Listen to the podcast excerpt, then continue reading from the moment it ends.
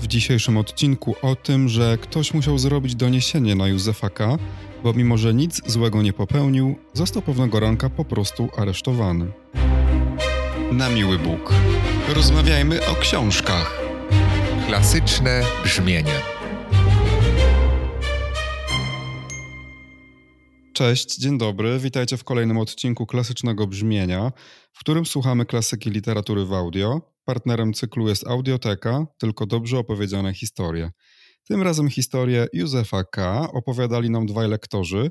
W moim przypadku był to Maciej Kowalik z wydawnictwa Kowalik.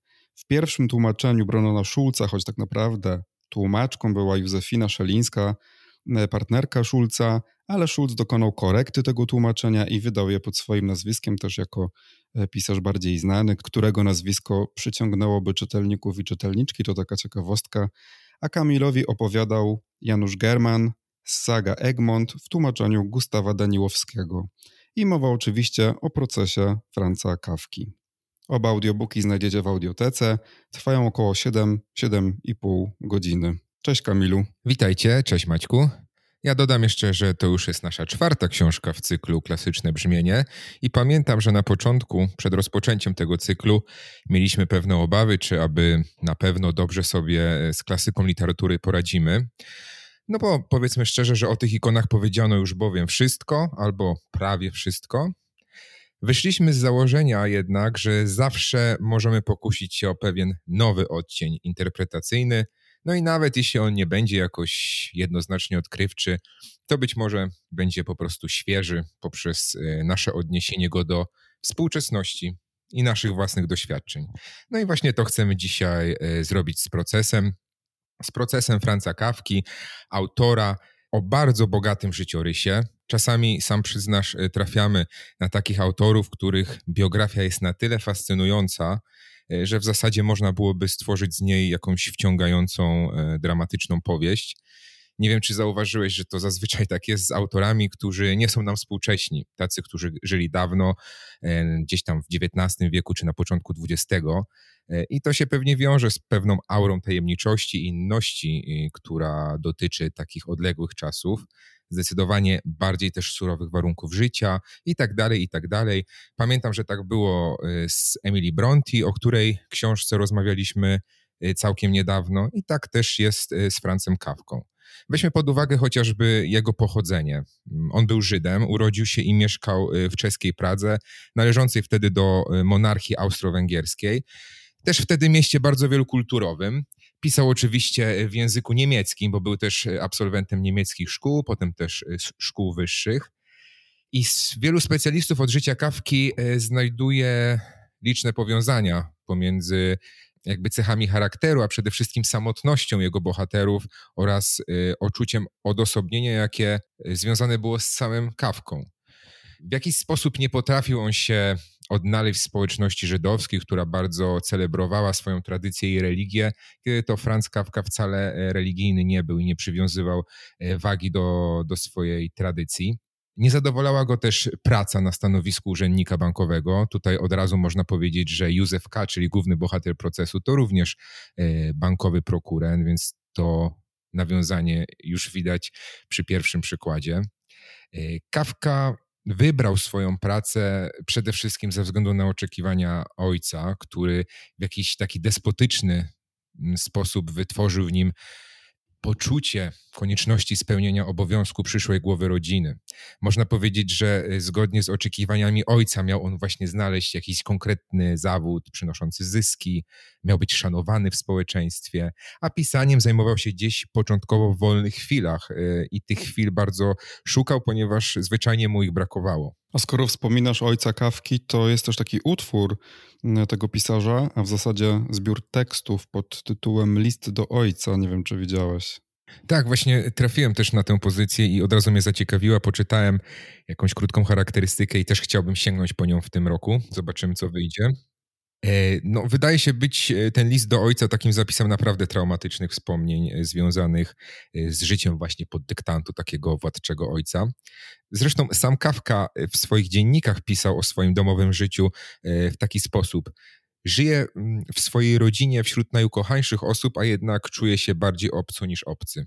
Rozmowy z ojcem sprowadzają się głównie do pozdrowień. E, są też relacje Maxa Broda, który był przyjacielem pisarza. On jest już bardziej konkretny i pisze: Franz przez całe swoje życie znajdował się w cieniu władczego, również zewnętrznie imponującego swą postawą ojca. Ten wspomniany Max Brod, y, tak jak wspomniałem, był takim prawdziwym przyjacielem Franca Kawki. Oni się poznali na studiach i, i pozostali w zasadzie w bliskich relacjach do końca życia pisarza.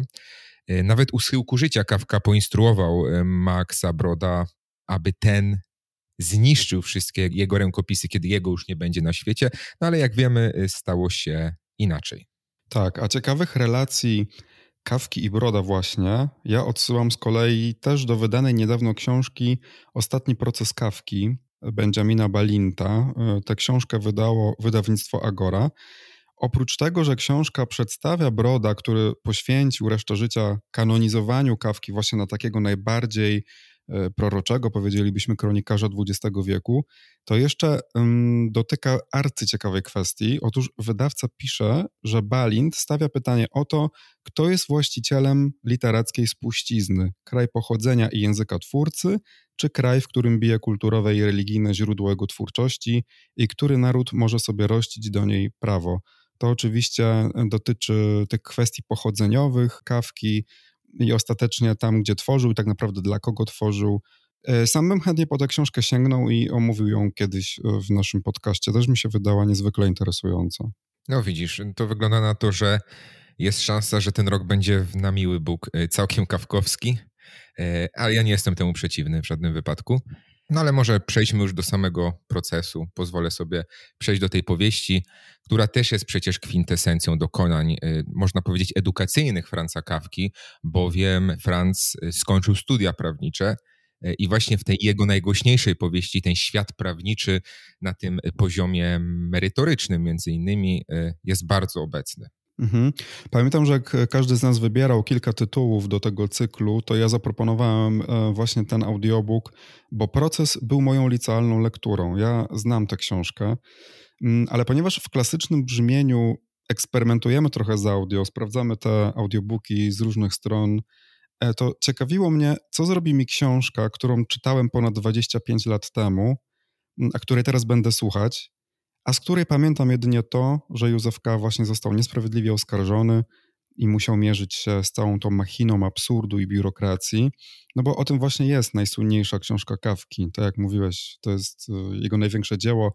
Zresztą książka, która jest uważana za arcydzieło, e, arcydzieło też literatury światowej, ona zawsze znajduje się niemal na, na szczycie list najważniejszych e, książek w takich różnych zestawieniach, na przykład książek wieku, czy tam 100 książek, które musisz przeczytać przed śmiercią. Otóż pewnego dnia w domu 30-letniego Józefa K. pojawiają się urzędnicy, którzy go aresztują. Urzędnicy, czy też jacyś funkcjonariusze publiczni. Problem w tym, że Józef K. nie zrobił nic złego. Wręcz przeciwnie, on wiedzie dosyć stateczne, nudne życie. E, tak jak wspomniałeś, pracuje w banku, nie wychyla się, nie bywa na salonach, nie ma przyjaciół, jego relacje z rodziną też są bardzo okrojone, czy też powierzchowne, podobnie zresztą jak relacje z kobietami. No, Józefka jest samotnikiem i nadal takie życie może wieść, bo ostatecznie nie trafia za kratki, jedynie musi stawiać się od teraz na przesłuchaniach. I to jest chyba wymarzony punkt startowy, tak można powiedzieć, dla wszystkich twórców literatury, bo to jest świetny pomysł po prostu i też taki świetny punkt wyjścia do snucia opowieści i on też jest niezwykle atrakcyjny czytelniczo, bo od razu łapie czytelnika, czytelniczkę i wiesz, trzyma e, przy tym tekście, bo od pierwszych stron właściwie no z napięciem czekamy, jak ten bohater poradzi sobie e, z tak absurdalną sytuacją. No właśnie, a ten absurd to już w samym jego imieniu występuje. Zwróciłeś pewnie uwagę, że główny bohater już od początku e, funkcjonuje nie jako podejrzany, a jako winny. Józef K. W taki sposób mówi się przecież o skazanych, prawda? Tak, oczywiście. Zakrywa się ich nazwisko. No bo to też wynika z tego właśnie, że w świecie kawki najpierw pojawia się wina i to ona przyciąga aparat sądowniczy. To nieokreślone nazwisko wskazuje też na to, że, że tym K może być tak naprawdę każdy z nas, to też jest takie dosyć zabawne, bo w Polsce akurat Kowalski to jest taki everyman, prawda?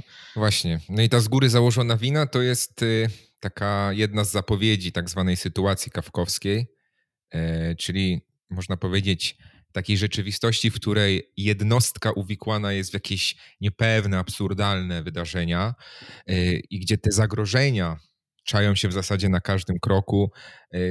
E, I chyba próba walki z nimi jest z góry skazana na niepowodzenie. Jest to taka, można powiedzieć, odnoga egzystencjalizmu, który na początku XIX wieku i później również był bardzo popularny.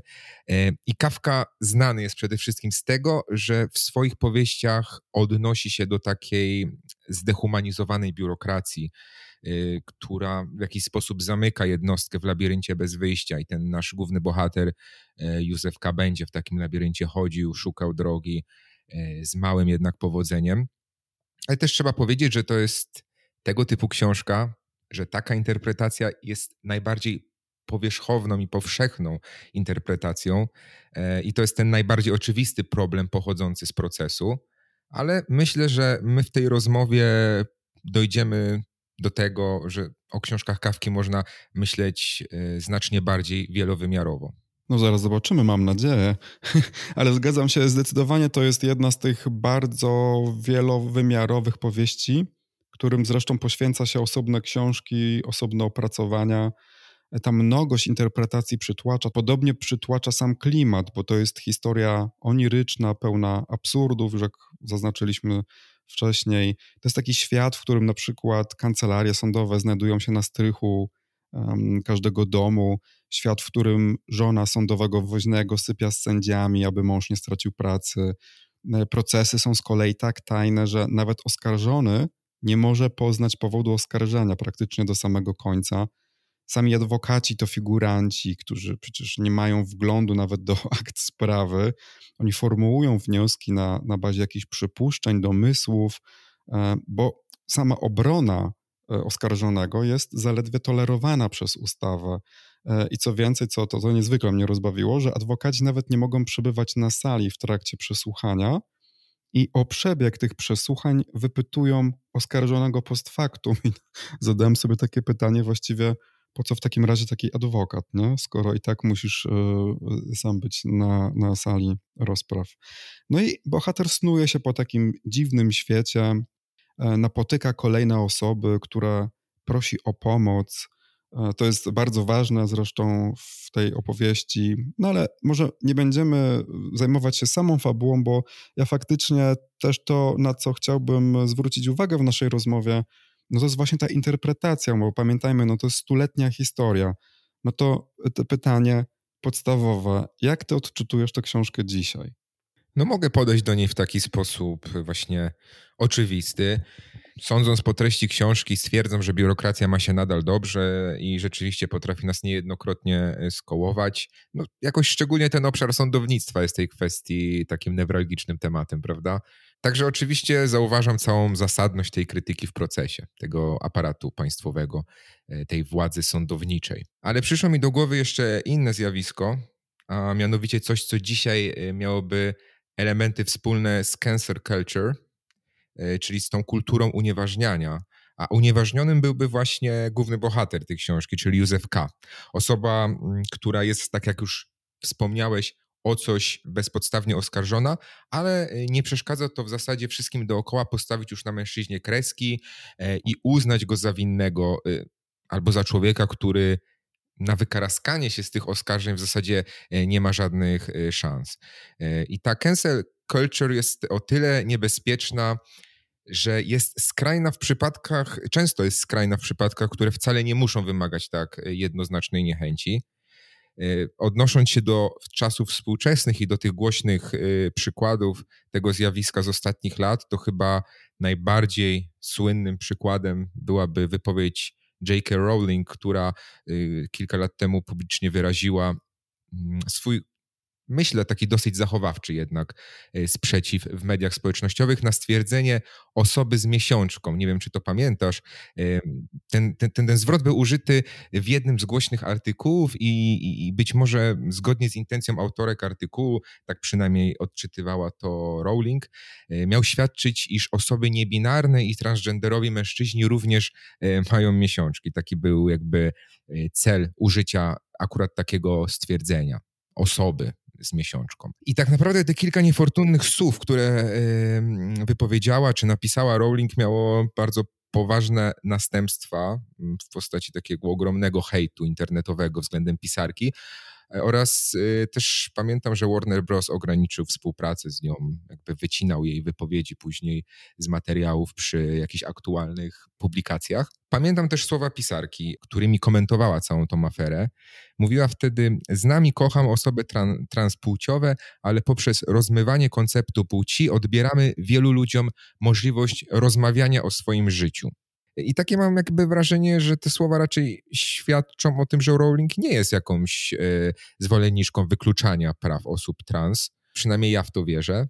I było to, było to takie zjawisko, które w pewien sposób przypomina mi bardzo raptowne, bardzo gwałtowne przekreślenie osoby i przynajmniej odwołując się do tej pierwotnej e, wypowiedzi Rowling, bo wiem, że potem były jeszcze kolejne, e, bardzo szybko nastąpiła fala oceny i hejtu. Mhm. Wiesz co, ja również myślę, przynajmniej mam taką nadzieję, że ona nie jest zwolenniczką wykluczenia osób trans, czy w ogóle jakichkolwiek, ale jedno, jednocześnie jej wypowiedzi były transfobiczne, no bo jeżeli ktoś z artykułu o pandemii, bo to był artykuł o pandemii i dostępie środków higienicznych w różnych częściach świata, jeżeli ktoś z takiego artykułu wybiera jedno konkretne stwierdzenie i się go czepia i robi z tego tweet, to w mojej ocenie ma problem z tym tematem przynajmniej.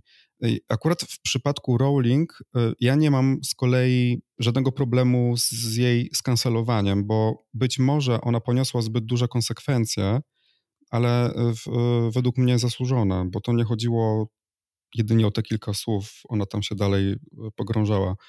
E, z każdym kolejnym e, postem. To jest zresztą bardzo złożona sprawa. Może kiedyś sięgniemy po Harry'ego Pottera, to byśmy sobie mogli e, poświęcić tak 20 minut na przykład na, na ten case, bo to jest na pewno bardzo ciekawe. Ja, natomiast zgadzam się z tobą, jeśli chodzi o samą kulturę kancelowania, bo to jest w ogóle bardzo ciekawa obserwacja, tylko chciałbym doprecyzować jedną rzecz, bo wydaje mi się, że musimy pamiętać o tym, że oryginalnie kultura unieważniania kogoś następuje gdy ta osoba pozwala sobie na jakiś fałszywy krok. To może być na przykład udział w jakimś wydarzeniu, to może być y, określone zachowanie, e, wygłoszona opinia za pośrednictwem Twittera, jak w przypadku Rowling i tak dalej. Chodzi mi o to, że mamy namacalny dowód, tak, że ten fałszywy krok jest zmaterializowany. I mówię o tym dlatego, że niektóre e, środowiska nazywają tę kulturę zjawiskiem kawkowskim. A moim zdaniem tak nie może być bo oryginalnie ta kultura kancelowania, tak jak mówię, powinna przynajmniej opierać się na fakcie. A coś Kawkowskiego to coś absurdalnego przecież. E, wobec tego e, specjalnie używa się tego przymiotnika, aby deprecjonować na przykład e, kulturę unieważniania. Natomiast jakby inną sprawą jest to, że to kancelowanie bardzo wypaczono Mam tutaj na myśli to, że mm, obecnie, czy w ostatnich latach już, już, nie, jest, już nie wystarczy fakt, on w ogóle nie jest potrzebny. E, wystarczy pomówienie i dochodzi do wydania wyroku bez osądu, tak? bez żadnego właśnie procesu. I to jest właśnie niebezpieczne zjawisko i to jest sytuacja, że, o którą zapewne ci chodziło, bo ona jest właśnie niezwykle kawkowska, bo chodzi mi o to, że w przypadku Rowling możemy się sprzeczać o ciężar słów, to po której ona stronie stoi, czy w ogóle zajmuje jakąś pozycję, ale jakby wszyscy bazowaliśmy w tym sporze na jej kolejnych tweetach, bo je widzieliśmy, jakby to było bezdyskusyjne po prostu. Więc bazowaliśmy na faktach, a nie pomówieniach.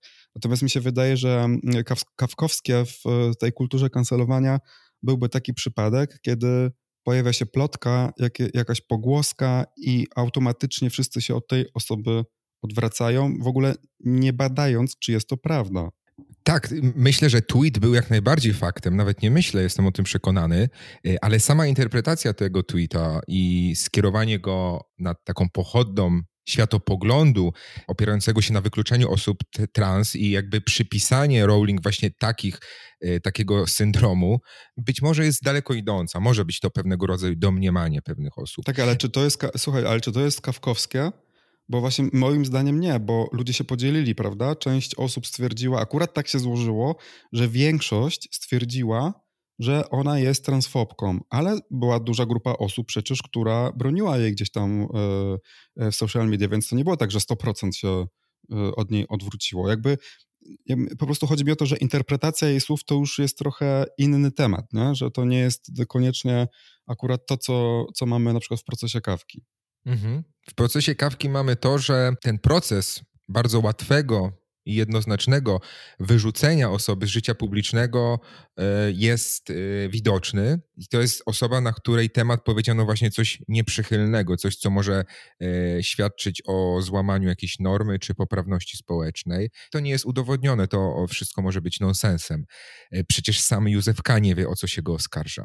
No ale nie przeszkadza to jednak, aby kolejne osoby oceniały go jedynie przez pryzmat tego procesu. Wszyscy już o tym procesie wiedzą i mówią o nim za plecami. A kiedy rozmawiają z Józefem K., to również jakby ich pierwsze stwierdzenia yy, i pierwsze zapytania dotyczą yy, procesu. Także cała osoba jest już oceniana tylko przez, tę, przez ten jeden wątek. Nawet wuj, yy, bliski wuj głównego bohatera kiwa na jego zachowanie z dezaprobatą, nie znając tak naprawdę genezy postawienia Józefa K. przed sądem, e, a na przykład przełożony szuka sposobu, aby móc pozbyć się e, go z biura. Także e, fala wydarzeń następuje bardzo szybko i, i, i w jednym kierunku. I ciekawe jest dla mnie to, skąd takie masowe zachowania, dlaczego są takie tendencje odwracania się od ludzi nawet bez jednoznacznych powodów. Mhm. Ja myślę, że to się bierze z tego, że ludzie po prostu chcą mieć czyste ręce i też coraz częściej kalkulują, e, co im się towarzysko bardziej opłaca. I w efekcie czasami wolą poświęcić relację z jakąś osobą, na przykład, niż ryzykować, że ta pogłoska okaże się prawdą i, i że, że zostaną z tą osobą powiązani. No, a później oczywiście działa zasada kuli śnieżnej, e, czy takiej przechylającej się szali, że dołączają kolejne osoby do tej większości, która się odwraca, no, czyli już taki owczy pęd i tak dalej, i tak dalej. Wiesz co, ja miałem bardzo podobne przemyślenia, e, tylko że mi przyszedł do głowy taki nasz zwykły, swojski ostracyzm. I oczywiście kawkowski sąd to, to duży kaliber, ale przecież nie potrzeba takiego oskarżenia sądowego, aby zostać odtrąconym przez otoczenie, że właśnie wystarczy czasami to pomówienie, ta pogłoska, o której już mówiliśmy, z definicji przecież niesprawiedliwa plotka czy nieprawdziwa, prawda? Jakiś negatywny komentarz na nasz temat i nagle może okazać się, że zostajemy sami. I gdy ja słuchałem też tego audiobooka, najbardziej właśnie dręczyło mnie uczucie niesprawiedliwości. I, mm, a to jest ta, też taka wartość, która dla mnie jest jedną z najważniejszych w życiu. Dlatego ja też trochę rozumiem e, tę kulturę unieważniania, tę oryginalną, w tej oryginalnej formie bo ona właśnie jest takim nowym sposobem wymierzania sprawiedliwości, no ale jednocześnie podkreślę to ponownie, jestem też przeciwnikiem e, kancelowania kogoś z powodu pomówienia, czyli tutaj już mówię o tej zdeformowanej, wypaczonej formie, dlatego że ta książka też uzmysłowiła mi, że, że my jako społeczeństwo wciąż mamy problem właśnie z domniemaniem niewinności w takim codziennym życiu, bo Oczywiście ono pojawia się we współczesnych systemach karnych. To jest jedno z podstawowych praw e, oskarżonego, też jedno właśnie z takich osiągnięć e, cywilizacyjnych e, naszej, kultury i tak dalej, ale w relacjach z innymi ludźmi, w takim życiu codziennym, no mam takie wrażenie, że ta wartość częściej nie istnieje niż się pojawia, bo to właśnie tak podobnie jak w, w kawkowskim świecie. Może ta interpretacja jest taka bardziej dosłowna, ale też e, tak najbardziej korespondująca z codziennością, ze współczesnością, z takim odczytywaniem tej książki e, na tym poziomie takiego życia, które prowadzimy z dnia na dzień. Natomiast mnie też zafascynował absolutnie taki senny klimat mm, tej książki. I ona powiedziałem, że dosłownie jest senna, bo jest niezwykle nużąca. To jest akurat jej wada, chociaż też właściwie nie wiem, bo z jednej strony ten fantastyczny pomysł jest przedstawiony no, w nieco nudny sposób. Nie będę tego ukrywać. E, ale z drugiej strony właśnie tak sobie pomyślałem ostatnio, że może tak powinno być, bo to, że on chodzi od jednego pokoju do drugiego, od jednej znajomej osoby do drugiej, gdzieś po takiej nici znajomych i to właściwie jest takie strasznie powtarzalne, przypomina mi trochę taką właśnie bieganinę po tych pokojach w urzędach, w sądach właśnie, takie odsyłanie, wypełnianie formularzy, to wszystko jest takie bardzo monotonne i nudne i trudno sobie z tym poradzić tak naprawdę też. No ale przez to wszystko blisko mi też do takich symbolicznych odczytań tej książki. Właśnie ten oniryczny klimat spowodował to, że tak sobie pomyślałem, że może to też jest sen, że może to wszystko na przykład działo się tylko w głowie Józefa K. Może to był jakiś jego senny koszmar albo na przykład narkotyczna wizja. Yy, może czytamy tu trochę Freuda, no bo co na przykład jeśli Józef K. zrobił coś złego, ale to wypiera, prawda? Że może zatem ten sąd, y, z którym on się spotyka, jest jakimś symbolem jego podświadomości, albo na przykład taką wizualizacją wszystkich jego lęków. Tak sobie myślałem, że, że może proces Kawki jest pewnym rodzajem walki Józefa K., czyli właśnie jego świadomości, która wyparła pewne zdarzenia z przeszłości, z sądem, czyli jego podświadomością, która manifestuje się w postaci y, wyrzutów sumienia właśnie nękających osobę, która popełniła coś złego. To nie jest jakaś moja oryginalna interpretacja, żeby nie było, bo pojawiają się takie interpretacje na temat walki świadomości z podświadomością, tylko to się też odbywa na zupełnie różnych, że tak powiem, poziomach i tych interpretacji jest naprawdę mnóstwo, tych takich zahaczających też właśnie o tę sferę, a ta jest takim jakimś e, moją kolejną wariacją, bym powiedział. Dziwne, że na to bym nie wpadł, bo jak tak opowiadasz o tego typu interpretacji, o takim wyrzucie podświadomości, to przypomina mi się taki film, dobry film, który ostatnio widziałem i, i myślę, że polecę go naszym słuchaczom. Tar ze świetną rolą Kate Blanchett. I gdyby było tak, jak mówisz, y, głównego bohatera książki i główną bohaterkę tego filmu e, bardzo wiele by łączyło, ale tak tylko wspominam, e, zachęcając przy okazji do obejrzenia filmu. Ja słyszałem o tym filmie, jeszcze nie miałem okazji się wybrać. E, wracając do procesu, bo tę książkę interpretuje się również bardzo dosłownie, tak e, też już chyba powiedziałeś, czyli taką po prostu krytykę biurokracji. No, pamiętajmy, że Kawka miał styczność jako urzędnik e, z cesarstwem austro-węgierskim i to jest taki twór, czy też był taki twór, który właśnie słynął z zawiłych przepisów, procedur i tak dalej.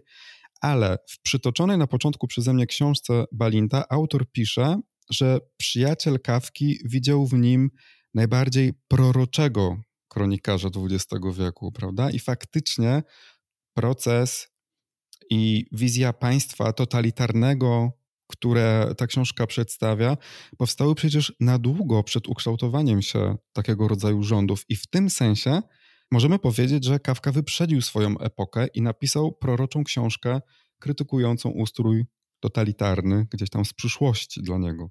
Myślisz, że rzeczywiście był prekursorem? Tak teraz sobie e, myślę i, i, robię taki szybki ogląd, ale chyba rzeczywiście tak, bo jak on rozpoczął pisanie procesu w 1914 roku, to rzeczywiście było to o wiele wcześniej niż te wszystkie znane fabuły o totalitaryzmie, e, które przyszły jednak zdecydowanie później. Myślę sobie tutaj innymi o Orwellu, o mistrzu Małgorzacie Bułhakowa, innym świecie Grudzińskiego, może też o małej apokalipsie Konwickiego, ale to już w ogóle późniejsze dzieło. To rzeczywiście chyba proces jest naprawdę wczesnym, e, wczesną powieścią o takiej tematyce.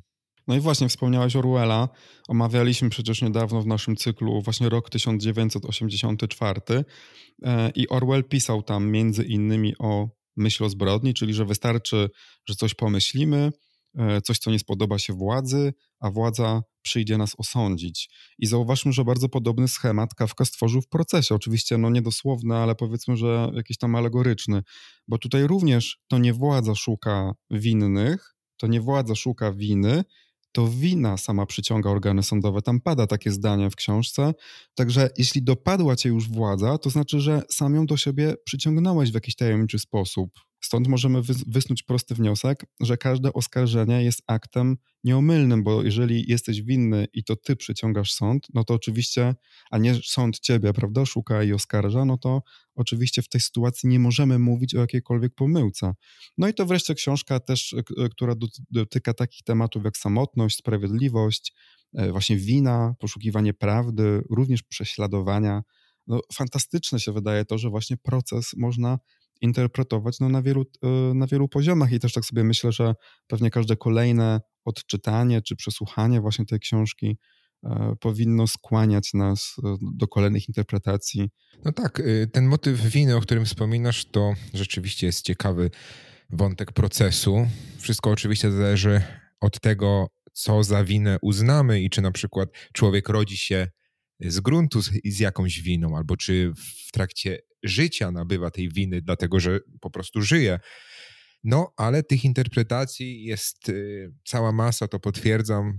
Jedną, z którą ostatnio spotkałem się i o której czytałem, jest teoria Erisia Froma, jest troszeczkę odwrotna, chociaż w pewien sposób nawiązuje do tej twojej interpretacji o podświadomości, która również jakby miałaby za zadanie mm, stawiać w negatywnym świetle Józefa K., a nie sąd. I w tym przypadku u Erisia Froma jest podobnie. On wysnuwa taką teorię, według której Józef K to jest osoba żyjąca bez wyraźnych wartości. Y, nie dostrzega on w życiu ani miłości, nie ma prawdziwych przyjaciół, nie poświęca się dla innych i po prostu można powiedzieć, że nie przeżywa swojego życia pełną piersią. Żyje, żyje trochę byle jak, zarówno w tym kontekście indywidualnym, jak i społecznym. Y, I mm, to o tym wspomniałeś już właśnie, że to jego życie było takie zwykłe, że on się w nie nie angażował, że był przeciętny, szary. I ten tytułowy proces, według właśnie Froma, ma być taką ostatnią szansą, jaką daje się bohaterowi, jaką opatrzność daje bohaterowi na wreszcie wzięcie sprawy w swoje ręce i walkę o jakiekolwiek ideały, o jakiś, o jakiś poziom życia. E, właśnie w drodze do udowodnienia swojej niewinności. E, no i co się dzieje w trakcie tego procesu, to dobrze wiemy. Józefka wcale nie posuwa go jakoś specjalnie do przodu, e, szuka pomocy wśród ludzi przypadkowych albo takich, którzy z łatwością go oszukują, omamiają. Pamiętamy tego leniwego adwokata, który nic nie robił w sprawie Józefa K., sprzątaczkę sądową bardzo przebiegłą, czy tego frywolnego malarza sądowego, który wziął się nie wiadomo skąd i, i którego autentyczność też chyba pozostawiała wiele do życzenia, więc nie udaje mu się dowieść tej własnej niewinności. Ten egzamin na poszukanie jakości życia, na polepszenie jej e, jest przez niego oblany. Być może więc to Józef K. jest winny, bo jego życiowy marazm taki marazm emocjonalny, po prostu nie pozwala mu być wystarczająco silnym i przekonanym o tej własnej niewinności, dlatego y, kończy ten proces jak kończy. Wiesz co, ja musiałbym pewnie przeczytać trochę więcej y, na temat y, tej interpretacji Froma, bo, bo z tego, co mówisz, to mnie taka hipoteza by trochę uwierała, bo mi się wydaje bardzo niebezpieczne, gdy ktoś stawia taką hipotezę, że inny człowiek jest nieprzydatny, albo zbędny y, społeczeństwu. Jak ktoś chce być takim szaraczkiem, to jakby co mi do tego. E, a trochę From zdaje się mówić właśnie w ten sposób o Józefie Kanie, że nikt nie przejął się jego stratą, bo Józef K. żył po prostu gdzieś tam na marginesie społeczeństwa, nie angażował się za bardzo w nic. No i w jakim sensie ta hipoteza przecież zakłada, że właśnie e, Józef K. nie umiał wziąć spraw w swoje ręce, że to życie nie miało dla niego żadnej wagi i że przez cały czas właściwie zrzucał odpowiedzialność na innych. Ale z drugiej strony, i dlatego mnie to uwiera, no co on miał zrobić w tej sytuacji? Bo to, że Józef K. chodzi od jednej osoby do drugiej, szukając pomocy, kontaktów, tak zwanych pleców, prawda, e, których właściwie posiadanie w tym absurdalnym świecie kawkowskim jest kluczowe, dla całej sprawy, mi się to wydaje w pełni zrozumiałe. Znaczy, to się po prostu nie różni zbyt wiele od tego, co my współcześnie robimy w obliczu oskarżenia, szczególnie niesprawiedliwego, i to przecież żyjąc e, w państwach e, demokratycznych. Nie wiem, no wyobraźmy sobie ten, ten, paraliżujący przecież lęk, który takie oskarżenie musi powodować. Nie wiem, może jestem pesymistą, ale wydaje mi się, że dla większości współczesnych ludzi taka sytuacja jest całkowicie blokująca na, na poziomie psychicznym, że ona jest tak bardzo destrukcyjna, że właściwie uniemożliwia działanie. czy walkę z tak zwanym aparatem władzy, machiną sądu, biurokracją, zwał jak zwał. I oczywiście zgadzam się, e, że należy brać odpowiedzialność e, za swoje życie i nie obarczać nim innych, natomiast tak sobie myślę, że no, chociażby patrząc z dzisiejszej perspektywy, to nie wiem, czy w tej hipotezie nie zachodzi jakieś uproszczenie, ale tak jak mówię, no nie znam tego tematu jakoś tak super e, głęboko. To może tak dla spuszczenia powietrza z tego balonika interpretacyjnego, to taki banał. Twój ulubiony fragment. Akurat y, tutaj mogę się wypowiedzieć, bo jest taki fragment, który w zasadzie zmienił moje postrzeganie tej książki pod względem fabularnym. Bardzo podobała mi się e, taka jedna z ostatnich scen w tej książce. To jest przypowieść księdza skierowana do Józefa K. w katedrze. E, I jednocześnie przyznaję też, że jest to taki fragment, którego ja do końca nie pojmuję. Ale czy to jest jakieś dziwne w przypadku procesu? E, ale błądzę sobie gdzieś w interpretacji i szukam odpowiedzi. I to chyba lubię w literaturze coraz bardziej. A więc ta historia opowiadana przez księdza to jest opowieść o chłopie, człowieku ze wsi, który y, chce przejść przez bramę prowadzącą do prawa. Bramę pilnuje odźwierny, który nie pozwala przejść przez bramę chłopowi. E, I ten człowiek postanawia czekać, aż dostanie w końcu pozwolenie na wejście do prawa, na dostęp do prawa. Cierpliwie spędza tak naprawdę całe swoje życie na stołeczku, czekając. Zaraz przed śmiercią jednak postanawia zapytać odźwiernego, wszyscy dążą do prawa. Skąd więc to pochodzi, że w ciągu tych wielu lat nikt oprócz mnie nie żądał wpuszczenia? Odźwierny wtedy odpowiada, tu nie mógł nikt inny otrzymać wstępu, gdyż to wejście było przeznaczone tylko dla ciebie. I tę historię możemy odczytywać wprost, iż ten odźwierny to oczywiście symbol władzy, która nie pozwala nam dotrzeć do istoty prawa. Jednak ksiądz po przytoczeniu swojej przypowieści testuje Józefa K., pyta go o jego interpretację tej przypowieści. Ten oczywiście powiela ten oczywisty wydźwięk przypowieści, wskazuje na winę i bezduszność odźwiernego, ale ksiądz podaje mu wtedy zupełnie inne przesłania jednej i tej samej przypowieści, po czym mówi tak naprawdę o nieistotności różnic interpretacyjnych. I jeszcze raz chce zawrócić Józefa K. z drogi odejścia od samego siebie. Mówi wtedy mu: Wskazuje ci tylko różne mniemania. Nie powinieneś za wiele zważać na mniemania. Pismo jest niezmienne, a mniemania są wyrazem rozpaczy z tego powodu. Oczywiście Józef K. pragnie tylko jednej interpretacji przypisać prawdę, po czym znowu mamy fascynujące zdanie księdza. Nie trzeba wszystkiego uważać za prawdę, trzeba to tylko uważać e, za konieczne. Wiesz co, ja też najpierw odczytałem tę przypowieść dosłownie, to znaczy, że po prostu odźwierny jest symbolem bezdusznego systemu, e, ale potem dla mnie było dosyć szybko jasne po tych ostatnich zdaniach odźwiernego, że to od tego człowieka zależało, czy on przez te drzwi przejdzie. Dlatego, że te drzwi były ciągle otwarte. I to jest, to, to jest taki symbol dla mnie dosyć e, wyraźny. No i też to oczywiście, że tam nie było innych ludzi, że te drzwi były otwarte i przeznaczone wyłącznie dla tego jednego człowieka i gdyby chciał, mógłby przez nie przejść. Może na samym początku nie, ale tam też są kluczowe słowa, które mówi odźwierny, że, że w przyszłości być może będzie to możliwe. No ale ten człowiek mógłby przez nie przejść, gdyby właśnie, no co, no gdyby właśnie wziął życie w swoje ręce i być może właśnie o tym mówił From nie? o tym właśnie braniu życia w swoje ręce, czyli no, musiałby mieć odwagę, siłę, chyba głównie odwagę, aby się sprzeciwić odźwiernemu i postawić na swoim, no, a więc też w jakimś sensie zaryzykować, że mogą go spotkać e, jakieś konsekwencje, bo odźwierny mówi przecież, jakby wygraża, że jest e, bardzo potężny. No tymczasem ten człowiek wolał się podporządkować i im dłużej czekał, tym bardziej był pokorny wobec systemu, no i ta poddańcza przecież pozycja doprowadziła go e, do śmierci przez czekanie, byśmy powiedzieli. I ta sytuacja, ta cała ta przypowieść kojarzy mi się z takimi e, sytuacjami, jak na przykład, wiesz, ktoś idzie do urzędu, chce jakiś dokument, a ktoś ci mówi, że proszę przyjść za tydzień, albo proszę iść do tego pokoju i ty po, tak posłusznie wykonujesz te kolejne polecenia, i nie kwestionujesz ich, to jest takie słowo klucz, że, że nie kwestionujesz tego, albo na przykład nie masz odwagi zapytać, nie masz odwagi iść gdzieś wyżej, albo nie masz odwagi na przykład e, poskarżyć się na tą osobę, która cię obsługuje i tak dalej, i tak dalej, nie?